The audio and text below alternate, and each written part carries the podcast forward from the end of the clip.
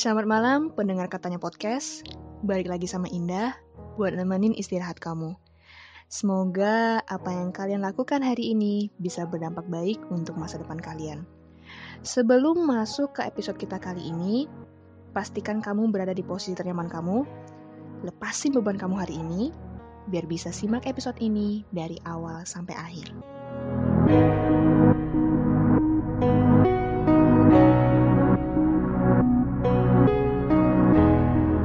Berbicara mengenai kebaikan setiap manusia memang gak ada habisnya. Dimulai dari hal kecil yang bisa memberikan dampak besar, sampai hal besar yang memberikan dampak lebih besar lagi. Kadang kita memberi bukan karena kita kaya, tetapi karena kita tahu bagaimana rasanya hidup susah. Nggak enak banget. Aku berharap semoga sampai hari ini, sampai kalian mendengarkan podcast ini, kalian masih sehat walafiat. Selamat menunaikan ibadah puasa untuk pendengar katanya podcast yang menjalankan. Gimana puasanya hari ini? Lancar nggak? Atau udah ada yang bolong? Episode kali ini aku ngajak salah satu teman untuk sharing tentang pengalaman menjadi relawan. Kalau dia lihat teman aku satu ini lebih banyak pengalamannya daripada aku. Sekalian aku ajak di sini juga belajar biar pengalaman aku tentang kerelawanan juga bertambah. Namanya Kak Reza. Biasanya aku panggil Kak Reza atau Kak Eja gitu. Dia ini saat ini menjadi garda terdepan untuk pandemi saat ini, karena dia berprofesi sebagai seorang perawat di salah satu rumah sakit di Bali. Nah, singkat cerita mengenai kenapa aku akhirnya bisa kenal sama Kak Reza ini, kita itu ketemunya tuh di acara bercanda bareng Marsala FP di Taman Baca Kesiman Denpasar. Kira-kira itu acaranya pertengahan tahun 2019. Waktu itu aku sama kawan-kawan yang emang doyan rusuh. Akhirnya aku ajak Kak Reza ini juga nimbrung di geng rusuh aku. aku awalnya nggak tahu kalau Kak Reza ini ternyata juga banyak pengalaman soal kerelawanan. Jadi pada saat aku mau ulang tahun di November 2019, aku iseng nih minta saran untuk ngerayain ulang tahun, tapi caranya beda gitu. Kalau biasanya mungkin anak muda tuh yang suka yang meriah-meriah, terus habis tuh ngadainnya di kafe-kafe, tapi aku pengennya caranya beda aja gitu dengan cara turun ke jalan untuk bagi-bagi sesuatu. Karena ulang tahun Kak Reza ternyata beda dua hari aja sama aku, ya udah kita buat project bareng. Sekarang karena kita kudu social distancing ya, nggak bisa ketemu langsung seperti halnya ngebuat podcast uh, di episode 5 waktu sama Kak Putri. Jadinya untuk uh, kepoin Kak Reza ini harus lewat telepon. Tadi juga udah chat sebentar soal apa aja yang bakal aku tanya di episode kali ini. It's time to calling Kak Reza. Sebentar.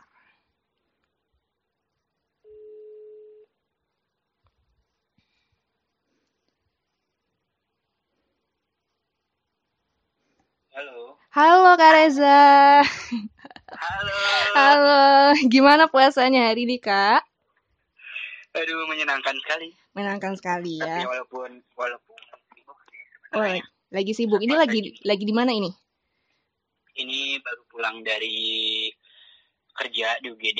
Oh, Jadi sekarang lagi di kamar aja sih. oh gitu. Oke lah kalau begitu. Nah, tadi kan aku udah sempet cerita sedikit tentang Kak Reza nih, yang awalnya kita ketemu di acara bercanda bareng Marsala FP nih. Juga Iya. aku udah eh, apa namanya cerita sedikit profesi kakak sebagai perawat kan ya, Iya iya. dan membagi sedikit waktunya untuk ngelakuin hal kemanusiaan. Kalau boleh tahu nih, selain jadi perawat, apa ada profesi lain yang digeluti saat ini? Profesi lain yang saya geluti. Oh Mm-mm. itu lumayan banyak karena saya orangnya nggak suka diem. Oke. Jadi suka banget nyoba-nyoba eh, kesibukan. Mm-mm. Contohnya sekarang lagi sibuk jadi konten kreator di Mm-mm. sebuah eh, produk Mm-mm. gitu beberapa online shop sama eh, apa namanya akun kewirausahaan Mm-mm. terus nyami-nyami sebagai fotografer walaupun belum bisa dibilang fotografer mungkin tukang foto deh Oh gitu. Eh, terus trainer Mm-mm. Atau dosen di sekolah maritim Indonesia. Oh gitu, oke. Kalau eh, ngomongin soal dunia relawan nih, dari tahun berapa sih Kak Reza memutuskan untuk terjun ke dunia relawan ini? sebenarnya dari dulu tuh suka banget sama dunia kerelawanan Mm-mm. dari zaman masih SMP SMA itu sebenarnya udah kayak kayaknya kalau kalau diajak kegiatan sosial tuh asik gitu seneng tapi yang benar-benar terjun di dunia kerelawanan itu tahun 2015 Tahun 2015 berarti lima tahun yang lalu ya?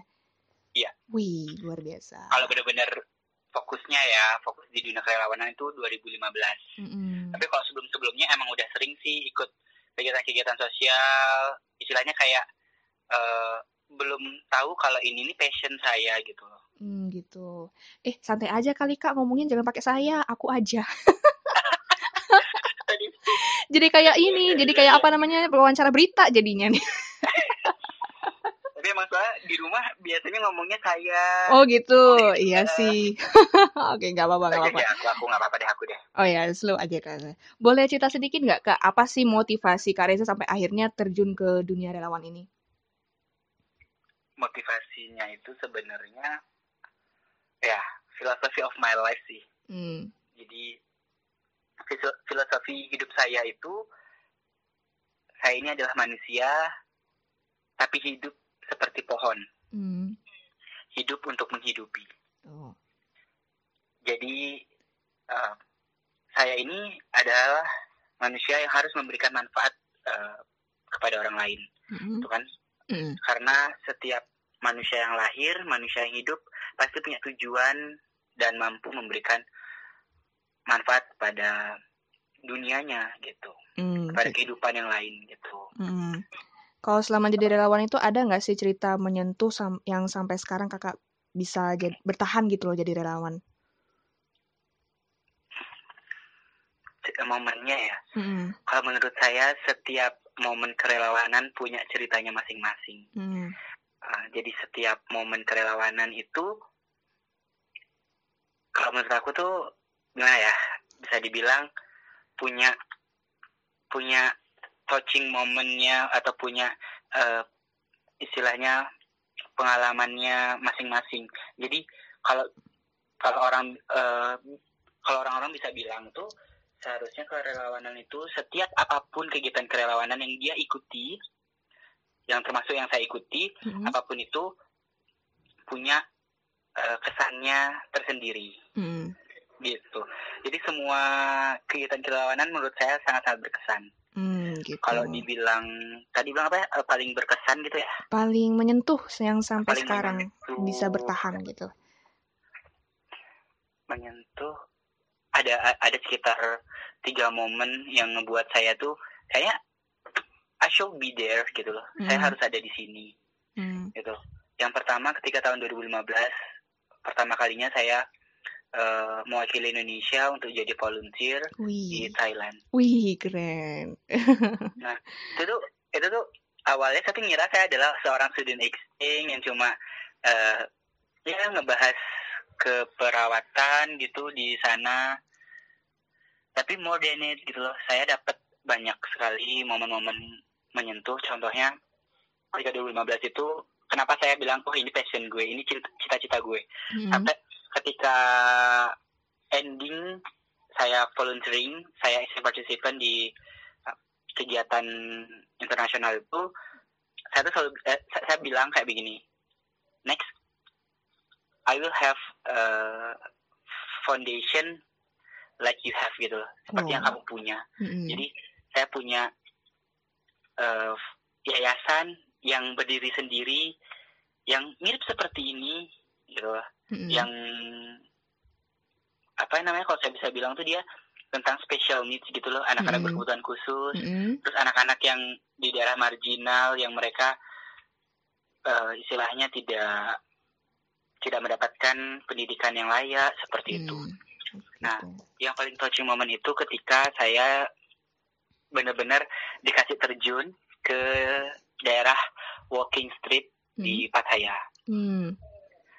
itu benar-benar kayak pengen nangis gitu awalnya cuma dikasih video-video doang bahwa eh Pattaya itu seperti ini bahwa anak-anak anak-anak kami ini adalah rata-rata anak-anak berkebutuhan khusus anak-anak yang tunanetra terus tunadaksa terus Mm-mm. tunagrahita kayak gitu-gitu kan Mm-mm. Yang rata-rata mereka juga eh, anak-anak yang dibuang gitu kan anak-anak jalanan yang tidak tidak apa yang nggak bisa eh, apa istilahnya kayak nggak mampu untuk sekolah gitu loh. Oh, kayak ya. gitu ya kayak gitu. Mm-mm. awalnya kasih kasih video kayak gitu terus akhirnya dapat terjun langsung. Sedih banget sih sebenarnya waktu itu lihat.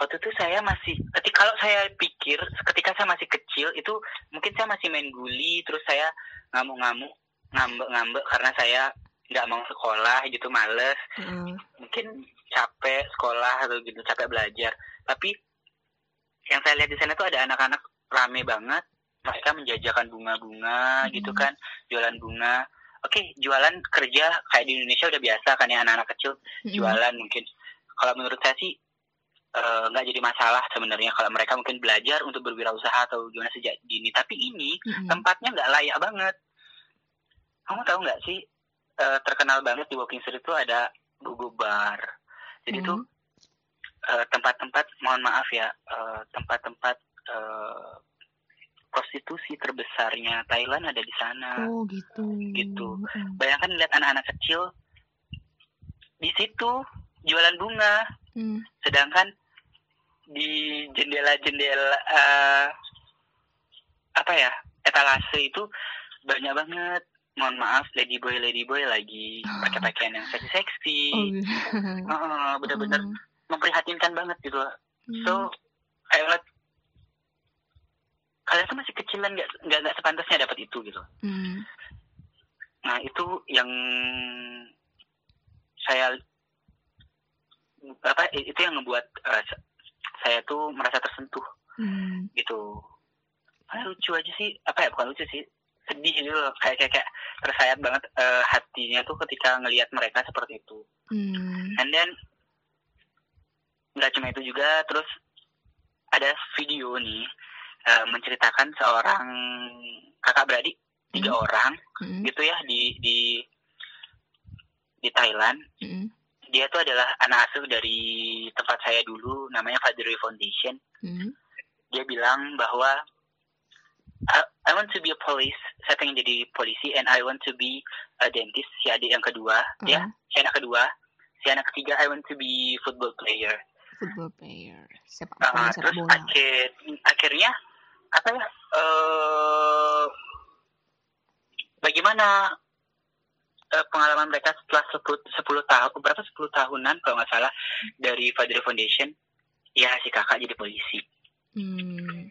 si adik Hmm. kedua lagi kuliah Mm. di salah satu universitas Mm. dan iya benar-benar jadi medical student Uh, keren. Eh, jurusannya khusus dentis gitu Mm. dan waktu itu benar-benar kayak wow kalau awal-awal kita ngelihat sebuah pergerakan ya kayaknya aduh nggak mungkin deh kita bisa gini nggak mungkin deh kita bisa seperti itu Mm.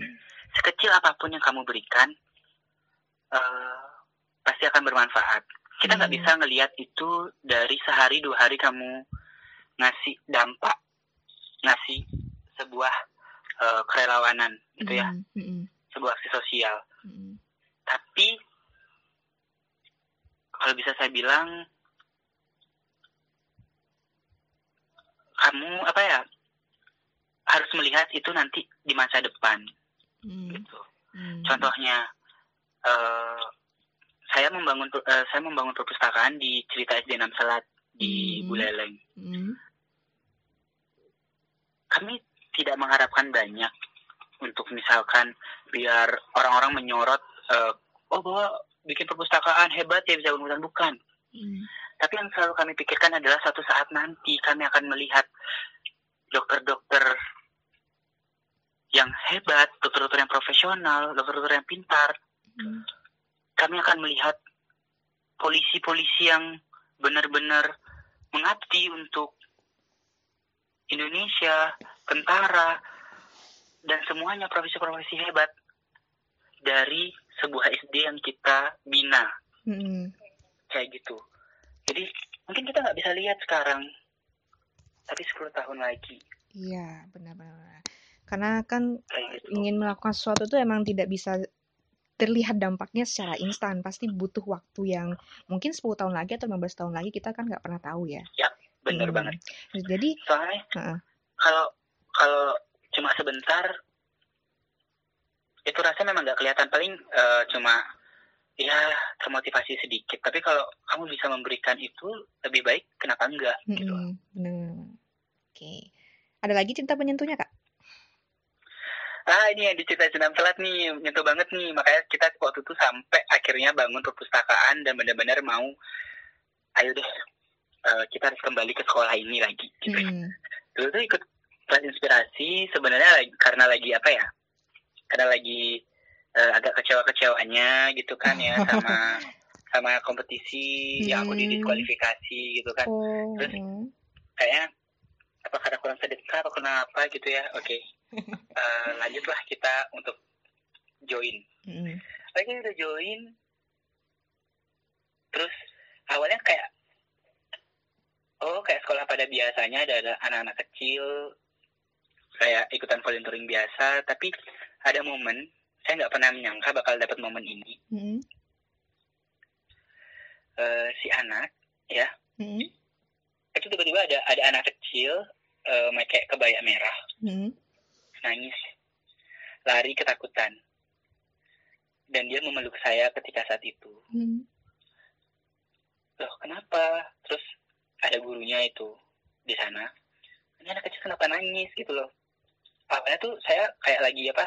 Lagi free tuh karena nggak ada ngajar kan pada saat itu. Karena Hmm. saya udah habis ngajar kan di kelas sebelumnya. Mm-mm. terus kayak "Na- kok nangis nih anak? Gitu meluk saya terus takut Eh, akhirnya ada gurunya. Gurunya lah nanya kenapa kok nangis dan segala macam itu saya tahu ternyata di Bali di Pulau Surga yang banyak istilahnya istilahnya kalau orang-orang mikir tentang Bali pasti nggak ada pedalamannya. Mm, mm-mm. ya nggak sih? Mm-mm. Eh, pasti mikirnya bahwa Bali itu paradise Iya, yang Surga. taunya cuma pantai doang gitu. iya kita kan pantai doang ya kan Heeh, iya. ada sisi-sisi yang menyentuh di pedalaman-pedalaman Bali Mm-mm. dia bilang gini tiantan bangga masuk Ti- tiantan bangga masuk eh welang aja nini Loh, dalam bahasa eh, bahasa Indonesia tuh saya nggak dikasih sekolah Mm-mm. eh, dimarah sama nenek Hmm. karena apa ternyata dia tuh lebih disuruh untuk menjaga kebun menjaga kambing kambing atau sapi pada saat itu Hmm. sedang mau lahiran. Sedangkan seorang anak kecil dengan usia, mohon maaf ya, usia kelas 1, kelas 2 SD itu, Mm. dia tuh waktunya untuk bermain, Benar. untuk belajar, mengenal dunia yang baru, Mm-mm. dimotivasi untuk biar semangat pergi ke sekolah, tapi mereka harus ke sana gitu loh, harus jaga, harus harus diem di kebun, harus nungguin gitu dan akhirnya dia lari dengan katanya dia bawa kebayanya terus dia pakai kebayanya sambil lari. Mm. Sedangkan perjalanan rumah dia sampai ke sekolah itu sekitar kalau nggak salah satu jam untuk dia jalan. Wah, satu jam. Itu kayak kayak aduh aku. Anjir, aku pengen nangis gitu waktu itu. Waktu itu tapi ya ampun. Tapi dia pakai kebaya itu karena apa, Kak? Karena waktu itu pas hari kan Kamis nggak sih? Hari, hari apa sih kita?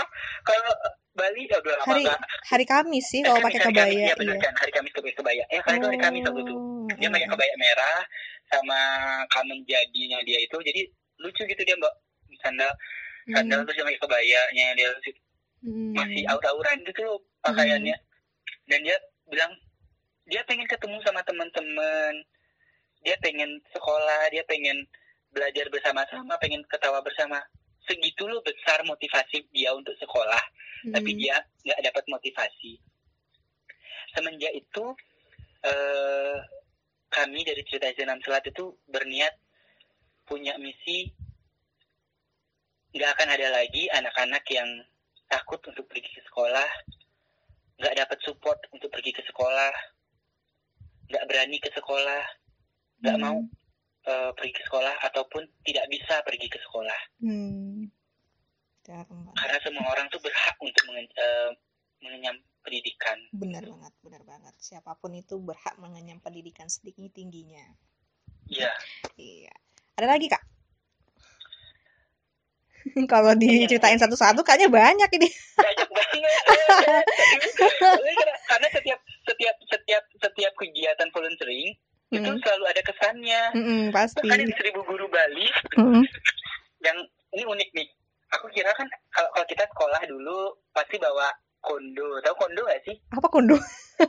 kondo tuh eh kalau kalau zaman aku dulu tuh kondo tuh kayak sejenis kalau sekarang yang kerennya tuh tupperware Oh, tap. Oh iya Botol iya minum, iya. botol minum. Oke Itu kan namanya kondo. Oh Kalau- kondo. kalau di, eh, di, di kelungkung itu dulu waktu zaman aku masih kecil tuh namanya kondo Mm-mm. jadi tuh ada ada sedotannya itu. Oh iya iya, botol minum iya. ya.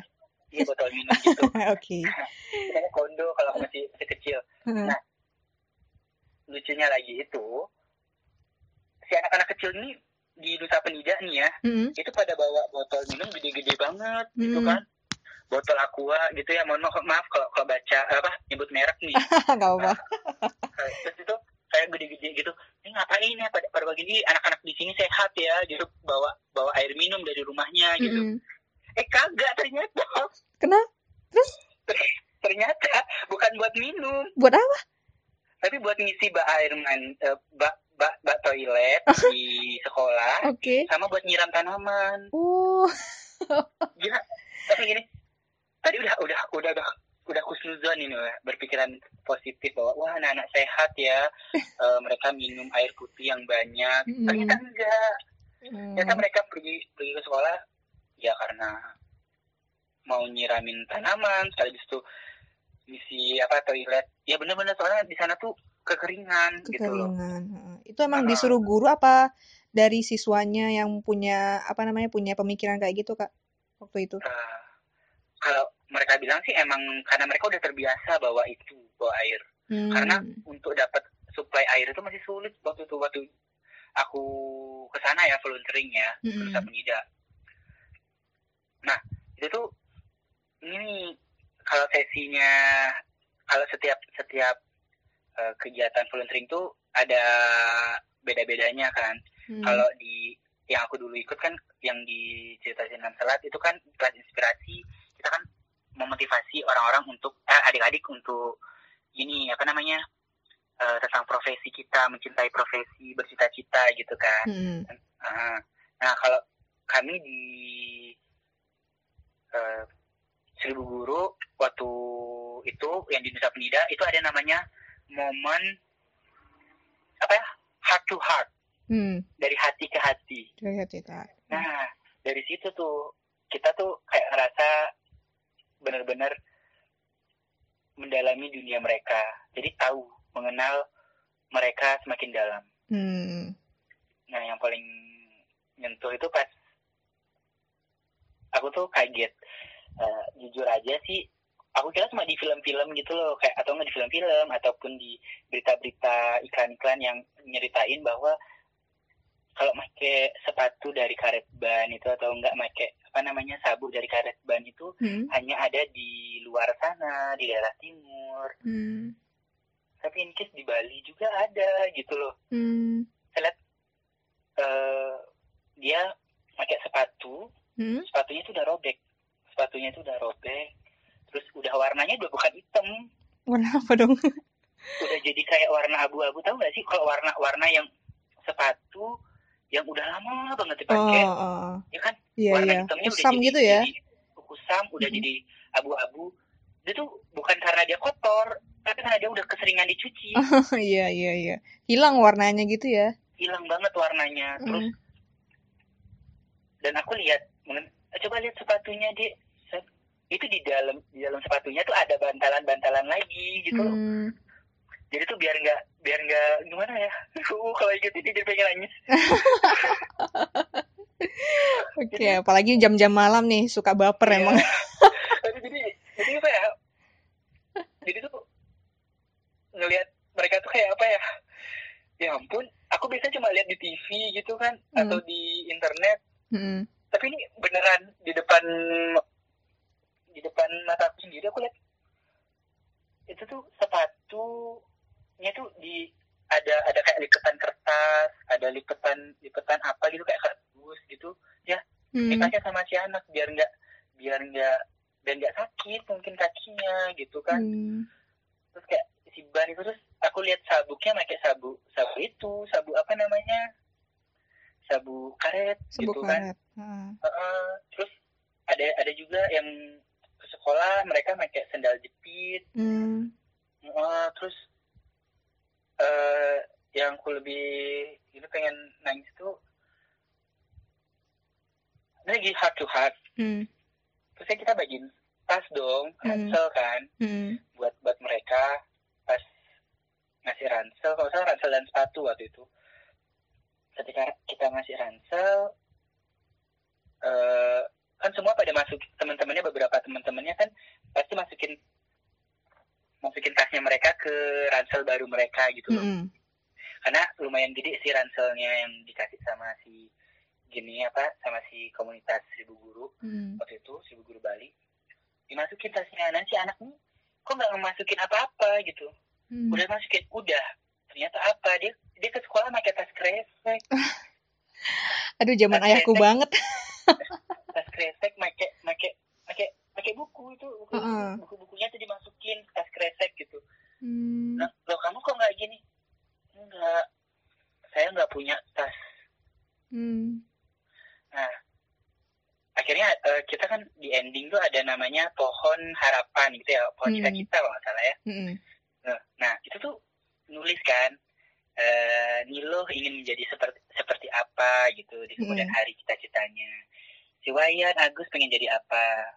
Nah, kalian dong, kita kan disuruh juga nanya ke adik-adiknya, kamu kenapa pengen jadi ini, pengen jadi itu? Hmm. Nah, ada satu orang, eh, saya pengen jadi dokter. Kenapa? Biar saya nggak ngelihat mama saya, ibu-ibu saya itu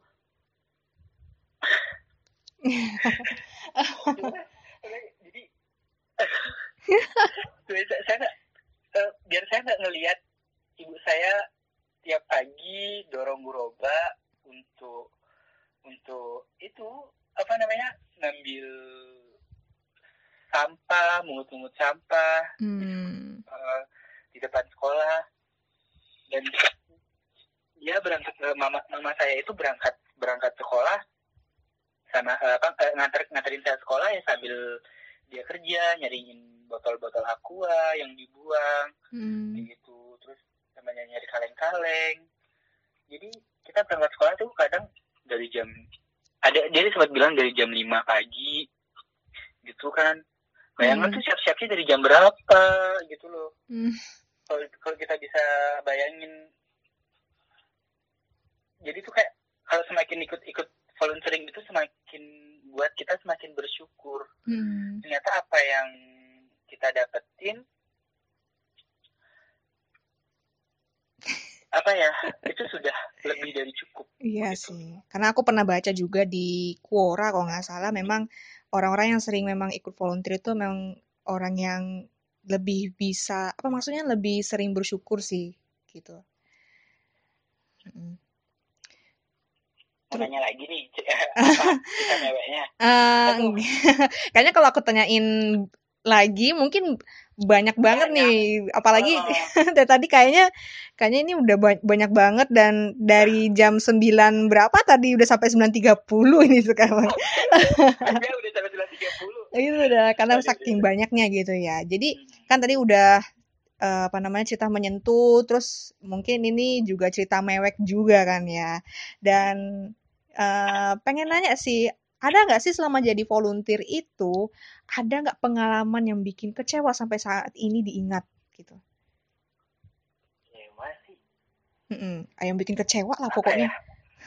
kalau kalau kecewa sih mesti mikir-mikir dulu ya kecewa apa ya kalau kalau ikut volunteer kalau kecewa sih belum dapet Mm-mm. ya tapi kalau sebel sebel sebel dikit gitu kan Mm-mm. ketika volunteering itu adalah Ada ya.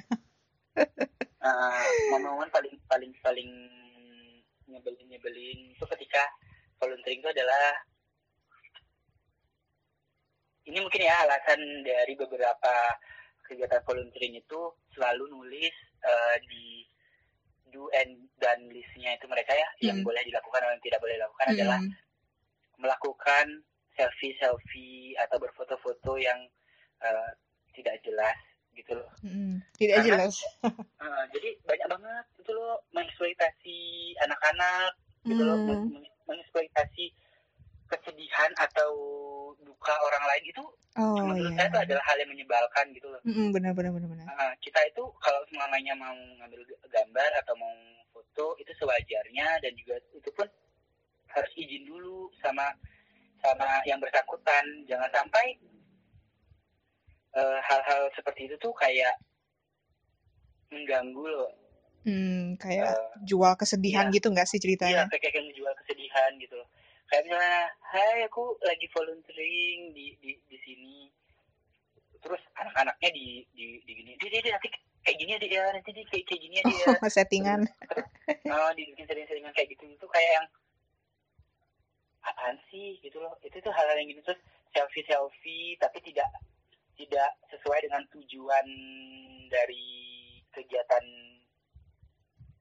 volunteeringnya misalkan hmm. memotivasi untuk uh, apa motivasi untuk uh, pendidikan ya gitu ya untuk hmm. biar mereka mau bercita-cita bukan yang ngejelasin tentang cita-cita tapi mereka malah lebih asik uh, foto-foto sama adik-adiknya itu tuh hmm. ada hal yang menyebalkan hmm. menurut saya terus juga ada sih yang nyebelin waktu ini kalau kecewa sih saya nggak pernah uh, alhamdulillah sampai saat ini belum pernah kecewa ya. Alhamdulillah. Alhamdulillah. Tebel tuh waktu waktu ini waktu ini. Uh, mungkin dia nggak pernah ya ikut ikut kegiatan volunteering gitu. Hmm. uh, jadi kita, uh, namanya juga kegiatan volunteering kesuk, uh, sukarelawan. Jadi ya nggak nggak nggak memaksa kamu untuk kamu bisa datang gitu loh. Hmm. nggak memaksa kamu itu harus uh, hadir kalau memang nggak bisa ya tinggal bilang nggak bisa gitu kan uh -uh. Uh, terus uh, nggak nggak memaksa kamu tuh harus memberikan yang banyak untuk untuk terlihat bahwa kamu tuh baik baik hati hmm. kamu itu mulia gitu kan ini sebelnya itu adalah ada seseorang dia tuh sampai sekarang nih uh, diingat mungkin ya kalau teman-teman podcast aku eh, atau teman-teman podcast yang dengerin hmm. itu kalau dia teman-teman aku yang ikut di project uh, sumber air utuh sesama oh, masih okay. ingat masih ingat banget mm -hmm. ya. Yang yang yang ya ampun sampai neror-neror aku berulang kali nelpon. Kakak gimana ya? Aku aku kerja nih aku jam segini apa aku bisa datang jam jam segini? Aku mau aku juga pengen ke sana nih aku pengen gini. Iya silahkan kalau kamu bisa silahkan datang kalau nggak bisa ya nggak apa-apa. Uh -uh. uh, terus kayak gitu. Terus ribut terus segala macam terus akhirnya bang gini kakak aku aku udah sediain ini ini satu orang nih. Udah sediain Oreo dan segala macam ini, ini. pokoknya nanti bilang ya kak kalau itu dari aku ini, ini dari aku. Jadi banget. tuh, mungkin kalian denger ya itu teman-teman aku gini apa namanya yang ikut kegiatan sumber air bersama hmm. masih inget gak sih sama si Oreo? Kesel banget. Dan kita kumpul kita kumpul terus bilang gini e, kak kak kak. Temanku nih. Kak Oreo-nya si titipannya si ini gimana? Bodoh amat. Deh bodoh amat. Masih diinget aja Oreo-nya itu. Ayo tebak siapa buat pendengar podcast siapa Oreo sosok Oreo yang dimaksud ini. Aduh, aduh tuh kesel banget ya. Aduh tuh. Bodoh amat udah gitu. Ngapain? Ya kan nanti jangan lupa katanya kayak umumin kalau semuanya uh, dia yang ngasih bilang gini terus bilang gini alah Oreo-nya pakai kita di aja lah nggak usah. Oke. okay. bagi-bagi dibagi-bagi bilang makasih ya kakak yang udah ngasih gitu lah. Ngajar lucu banget sampai sampai temanku tuh bilang bilang kayak gitu bilang gini ngasih kok uh, gitu gitu dia bilang. Uh. lucu banget gitu kan. Ada sebel sebel sebel sebelnya tuh ya kayak gitu sih gitu. Mm. tapi kalau kecewa sih belum ada karena malah momen-momennya itu momen-momen menyenangkan gitu loh pergi-pergi ke pedalaman itu naik kendaraan yang istilahnya susah apalagi jalan kaki gitu kan hmm. ya naik turun kadang naik turun bukit terus apa namanya sampai uh, jatuh-jatuh gitu juga hmm. itu hal yang seru kalau di volunteering semakin semakin pedalaman semakin seru gitu loh Mm. Soalnya ada tuh eh, di daerah Singaraja tuh kalau nggak salah ya saya kayak itu yang yang harus melewati jembatan eh, sekarang sudah ada jembatan bagus Mm. dulu tuh eh, harus lewat jembatan gantung atau apa ya eh, nyusurin sungai Mm. Jadi kalau sekolah kalau eh, pas lagi ada hujan deras ya banjir lagi banjir mereka nggak bisa pergi sekolah Mm. gitu terus itu lah itu apa namanya guru-gurunya kadang katanya eh, kalau ngajar itu satu minggu itu belum tentu bisa ngajar full itu loh yang enam hari Mm. kadang enam hari ya mereka kadang ada eh, gurunya ada kadang enggak gitu Mm. karena emang medannya susah banget gitu Hmm, gitu. Hmm. Terus tadi udah eh, soal pengalaman kecewa berarti belum ada ya sampai sekarang ya Kak, malah pengalaman berkesannya ya. Terus aku pengen tanya nih soal project kita yang kemarin tahun 2019 Kak. ah itu itu juga sebuah momen yang menyenangkan bagi saya. Oke. walaupun walaupun sempat eh, kita miskomunikasi kan Iya. jam jam jam. Jam ah, jam-jam dekat gitu lah pokoknya. Ah, mungkin karena karena terlalu excitednya ya. Saya Ah, habis dari jaga malam terus ngajar paginya ya mm-mm, kan? Ngajar ngajar di sekolah maritim kan? Mm-mm, ngedosen bentar terus eh, apa red meeting sama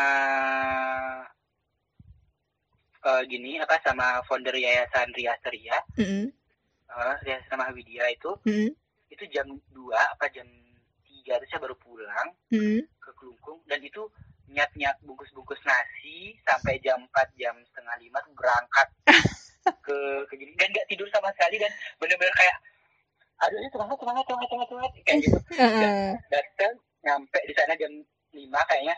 Ternyata kita baru bisa bagi-bagi tuh jam 7 ya. Habis maghrib Iya. pokoknya. iya habis maghrib pokoknya.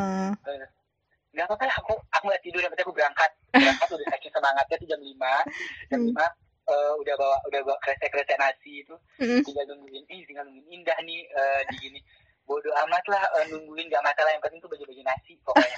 Saking semangatnya Iya. Ya, kenapa? Seneng banget. Iya, betul lagi itu itu project aku pertama kalinya turun ke jalan juga bagi-bagi nasi. Terus aku nggak tahu kenapa eh, entah kenapa ya mungkin kayak kode kode alam semesta aja gitu nunjukin kenapa waktu itu aku langsung nanya ke Reza bahkan seharusnya aku nanya mungkin teman-teman kampus aku yang mungkin udah berpengalaman soal ya pengalaman soal paling volunteer itu paling kegiatan kampus doang kayak bakti sosial atau pengabdian masyarakat. Tapi entah kenapa aku langsung sama eh, tanya sama Kak Reza kira-kira apa ya project yang pas buat ulang tahun tanggal eh, 27 November waktu itu? Gitu.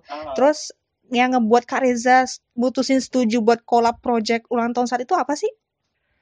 gak tahu ya tiba-tiba tuh kamu bilang gini oke dah gitu aja. Padahal kan kalau salah waktu itu cuma bilang saya ngeliat ulang tahun yuk collab yuk buat buat acara ini iya.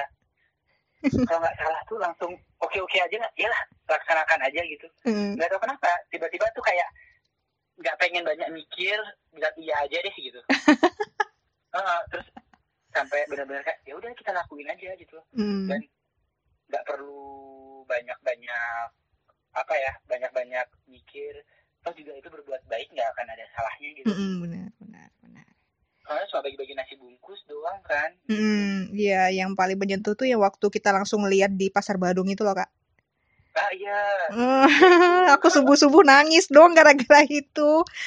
dan, dan, dan aku sampai dapat momen fotonya dan Hmm. itu tuh kayak yang my god itu itu sampai rumah pun aku se- segera buka kartunya langsung aku copy semua.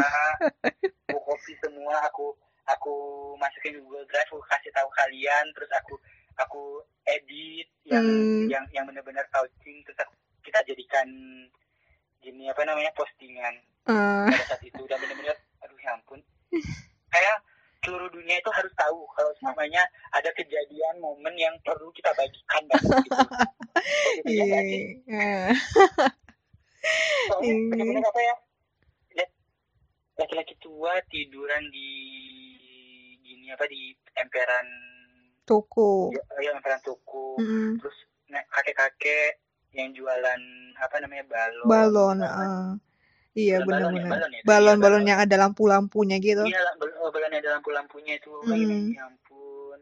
Itu kayak yang sedih banget. Iya. Terus ada beberapa ODGJ kan orang dengan gangguan jiwa yang Mm-mm. yang iya sumpah waktu itu Iya, yang kita kira Iya. eh, gelandangan ternyata ODGJ. Ya, berani banget kita. berani banget ya kayak ya ampun kayak deket-deketin aja lah Eh, untungnya nggak Iya, untungnya iya, nggak digebukin gitu lah kak ke sana terus kok kayaknya bukan bukan orang biasa gitu.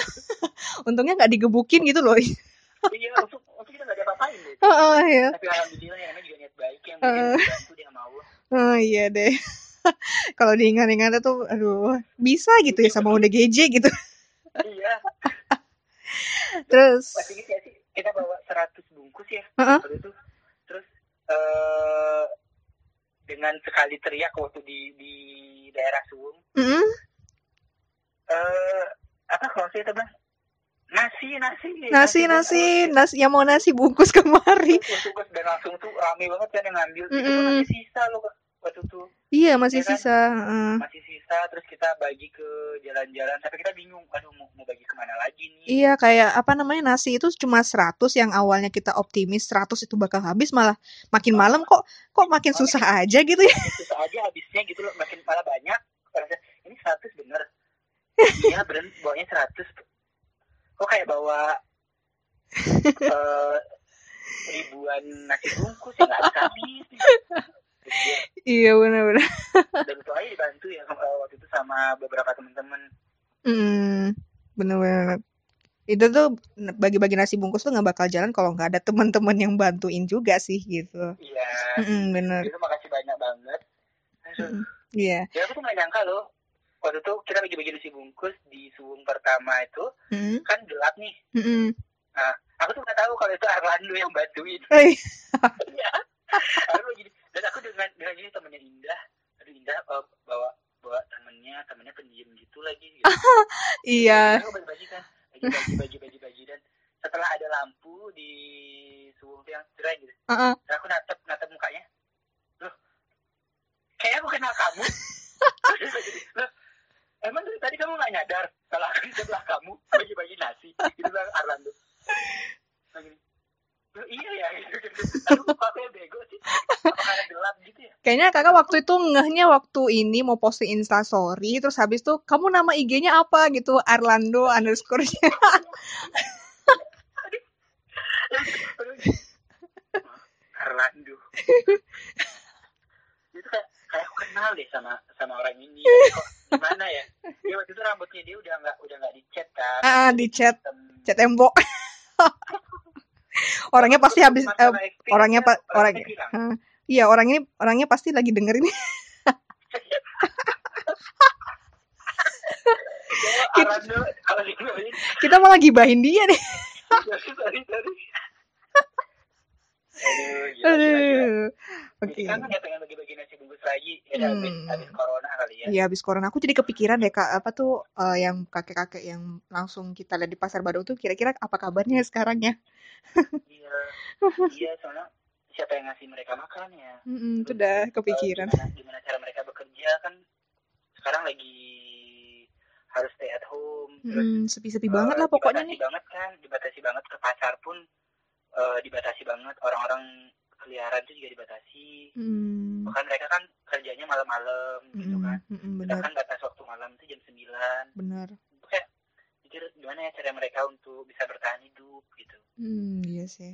Ya mudah-mudahan sehat-sehat aja deh ya. iya amin Amin, amin. Nah terus kalau untuk dalam waktu dekat ini apa ada project lagi nggak kak? ada sih kalau selama COVID-19 ini ada Mm-mm. Kalau yang tertunda karena COVID-19 juga ada ya pasti. yang yang sekarang waktu-waktu dekat ini yang juga sudah sambil berjalan eh, ada bagi-bagi sembako Mm, eh, bagi-bagi sembako kepada orang-orang yang terkena dampak pada COVID-19 mm-mm. jadi kita tidak eh, eh, mungkin kita tidak tidak memberikan kepada gelandangan dan gitu enggak Mm-mm. tapi kita memberikan kepada orang-orang yang jujur mereka eh, sekarang sedang mengalami masa-masa sulit Mm-mm. yang dulunya mereka bekerja dapat gaji sekarang mereka harus di PHK atau Iya, dirumahkan benar-benar.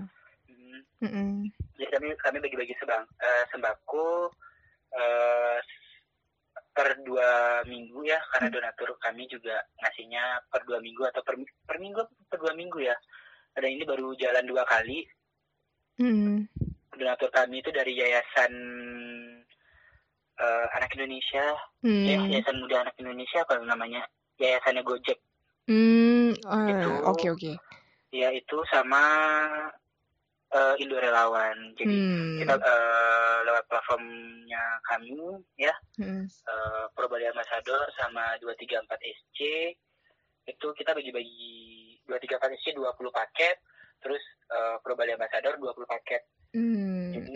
Jadi- 20 paket untuk Badung dan Denpasar 20 paket untuk eh, Bangli Gianyar Kelungkung. Hmm. sementara sih kita baru bisa melakukan itu. Kenapa kita cuma ngasih 20 paket? Karena eh, kami mem- eh, memberikannya itu tidak eh, bukan bukan gimana ya kalau saya saya bilang tuh eh, kita memberikannya eh, paketan itu tidak hanya semata-mata seperti mungkin kalau banyak orang bilang ngasih beras hanya ngasih beras saja untuk satu banjar mungkin gitu Mm-mm. kalau kami eh, memberikannya satu paket untuk satu keluarga jadi eh, kebutuhan pri- eh, primernya mereka contohnya kayak beras eh, terus minyak Mm-mm. itu kan yang harganya sekarang mulai mulai menjulang tinggi Mm-mm, benar. itu terus eh, kayak telur ya makanan bergizi kalau semuanya eh, kami itu memperhatikan seperti itu jadi kayak telur sama lauk pauknya mereka. Ya mereka bisa minum eh, bisa bisa minum bisa makan selama selama mungkin dua minggu ke depan. Ya jadi Hmm. bisa save, ma- eh, save money lah gitu loh. Iya dua minggu ke depan gitu. Mm-mm, Oke, gitu ya. Terus sebelum kita tutup episode kali ini, Kak, ada pertanyaan masuk dari Instagram aku. apa? Ah, eh, ini dia tuh nanya pendapat kita berdua mengenai perbuatan baik tapi dipandang negatif. Nah, menurut kakak nih gimana sih? kalau saya sih bilang gak usah dipikirin Nggak usah dipikirin. Nggak usah dipikirin karena yang namanya berbuat baik akan selalu jadi baik Mm-mm, Hmm. nggak akan pernah jadi salah nggak nggak nggak akan pernah jadi eh, perbuatan buruk ya udah baik baik aja lakuin. Kamu menolong orang lain itu adalah perbuatan baik. Mm-mm, walaupun nanti eh, akan ada nyinyiran atau akan ada gibahan yang gimana. Bodo amat aja. Karena itu sudah menjadi perbuatan baik dan itu menjadi amal kamu dengan Tuhan. Mm-mm, Ya. marilah kita berlomba-lomba untuk menabung di ladang Tuhan. Mm, ya enggak sih? Mm, benar. Eh, marilah kita berlomba-lomba menjadi eh, lilin yang terang untuk eh, setiap kegelapan hidup orang lain. Mm, karena apa? Menolong menurut saya namanya juga hidup ya ya. Namanya juga manusia. Kita hidup kita yang jalanin orang lain tinggal komentarin. Mm, ya enggak sih? Benar. jadi nggak usah nggak usah dipikirin. So eh, ambil positifnya aja. Ambil bahagia bahagianya aja. Mm, walaupun kadang bilang ah paling cuma nyari sensasi doang. Oh, pengen nyari popularitas atau pengen nyari ini nggak apa kamu memandang kami seperti itu nggak masalah. Yang penting ini adalah yang kita lakukan. Kami tidak meminta untuk orang lain mengapresiasi. Mm, kami menjalankan ini semua semata-mata untuk ridho Tuhan. Itu aja. Hmm, gitu aja ya. Dan kalau untuk dari statementnya aku soal berbuat baik tapi dipandang negatif, ya kita emang nggak bisa membuat semua orang itu satu pemikiran dengan perspektif kita. Hmm. Melakukan hal baik itu emang rasanya udah ada seenggaknya dua kemungkinan, positif dan negatif gitu. Positifnya mereka yang melihat kegiatan bagi-bagi kita itu jadi terpacu juga untuk melakukan hal baik pula. Dan negatifnya kita dikira cari perhatian dari ngelakuin kebaikan itu. Gitu. nah Sem- itu itu, itu, itu seringnya tuh Semua orang itu berhak berpendapat asal santun, masuk akal dan tidak memaksa orang itu sependapat dengan kita. Dan menurut aku ya, se- selama kita ngelakuin hal baik itu tidak disalahgunakan ya sah-sah saja gitu. Misalnya kita nih berbuat kebaikan untuk kepentingan konten atau keuntungan Hmm. pribadi untuk mendapatkan uang. Itu yang salah menurut aku. Ya. Lebih salah lagi kalau kita koar-koar nih nyuruh orang berbuat baik tapi actionnya nggak ada gitu. Lebih Nah. salah kan ya. Nah, mm-mm. dan aku share apa yang aku suka, aku mencoba mengajak juga teman-teman followers aku untuk berbagi ya siapa tahu kan kita tuh diajak oleh orang-orang yang tidak kita duga untuk ngerjain project bareng gitu. Iya. Kita nggak pernah tahu rezeki datangnya dari mana, terus Tuhan ngebales kebaikan kita dalam bentuk apa. Selama kita ngelakuin itu mengharap ridho dari Tuhan ya sah-sah saja gitu. Kalau misalnya ada pendapat negatif nih, ada baiknya sih kalau ada baiknya ya ambil aja baiknya. Kalau nggak ada ya buang aja. Ya sekarang pilihannya tergantung kita. Mau dengerin mereka yang nyinyir tapi action nihil atau tetap jalan ke perspektif kita sendiri gitu. Aku soalnya pernah baca kalau ada yang bilang perbuatan baik kita hanya untuk kepentingan dalam kurung ya dalam hal uang tapi nyatanya nggak demikian ya percayalah itu cuma dalam bentuk tulisan dan omongan. Kalau memang dia nggak suka dengan apa yang kita lakukan ya oh nggak masalah gitu. Karena mungkin dia itu nggak cocok sama apa tuh nggak cocok sama pertemanan circle kita ya silakan cari yang cocok gitu kadang aku juga bilang sama temanku ya aku nggak munafik ya kalau berteman itu ya kudu kadang milih-milih gitu mana yang baik dan buruk buat aku gitu Iya, iya, iya. Harus Hmm. tahu ya yang mana emang eh, cocok jadi circle kita, siap- eh, yang mana yang enggak gitu. Yang mana Mm-mm. sekedar jadi teman, yang mana yang emang ini nih yang boleh tahu kita semua gitu. Mm-mm. tapi tahu nggak kak siapa yang nanya ini Siapa? yang gibahin yang kita gibahin tadi Siapa? Oh, di sini. Eh, iya, jangan sebut jangan sebut Ya salam ya. Iya, soalnya dia selama selama kita juga bantuin dia bagi-bagi eh, bagi-bagi makanan waktu itu dia juga eh, sharing soal dia tuh ngerasa nggak enak soalnya ada yang mungkin berpikir negatif eh, dia ber- berbuat, berbuat baik tapi dipandang negatif. Jadinya ya dia ber- bertanya lewat Q&A yang aku sediakan dan alhamdulillah Kak walaupun eh, dari 127 viewers Instagram hanya satu pertanyaan yang masuk. Dan itu dia pula yang nanya. Ya. Tapi emang bener-bener eh oh akuin anaknya tulus banget. Hmm, dan nggak mau setengah-setengah kalau bisa aku bilang. Jadi salamnya buat yang nanya. Emang dia waktu ini dia, dia itu yang bantuin aku loh, jujur ini. Eh, dia itu yang bantuin aku malam-malam. hmm, Aku kan mau mau ke Selat nih, ke hmm, SD 6 Selat. hmm, Nah dia yang bantuin aku malam-malam. Eh, kamu kamu ke mana? Eh, ya malam-malam gini ini mau mau packing packing kan nggak mungkin dong aku nginep di rumah temanku yang cewek gitu ya kan Heeh. terus dia dia bilang ya udah nginep aja di di rumah aku eh di, di kos aku gitu. Hmm, tapi ya apa adanya ya gitu dia bilang. Oh iya hmm, nggak apa-apa gitu. Terus dia yang dia yang bangunin aku nyat apa bilangin eh ya jangan lupa kamu lo jam-jam setengah lima harus udah ada di tempat buat kumpul. Ini udah jam 12 kamu harus tidur. Nanti jam jam segini kamu harus bangun. Itu hmm, bener-bener anak yang baik dan tulus banget gitu loh. Jadi dan hmm, dia tuh pas waktu kita bagi-bagi itu dia ngomong ngomong kayak gini sama aku. Hmm, eh ja kita ketemu lagi. Nah nyangka ya kita bisa eh, bisa eh, bisa eh, gini ketemu di project eh, project kayak gini itu dia bilang. Hmm, dan eh, dia bilang ya karena ada kalian ada kamu dan Indah jadi aku ikut bantu di sini gitu dia bilang. Hmm. terus masih ingat nggak sih dia bawain bawain makarun dan itu adalah pertama kali aku makan Iya bener bener bener bener iya iya bener bener makaron pertama kali itu tuh kalau nggak ada dia tuh aku nggak pernah nyobain makaron kak. Iya.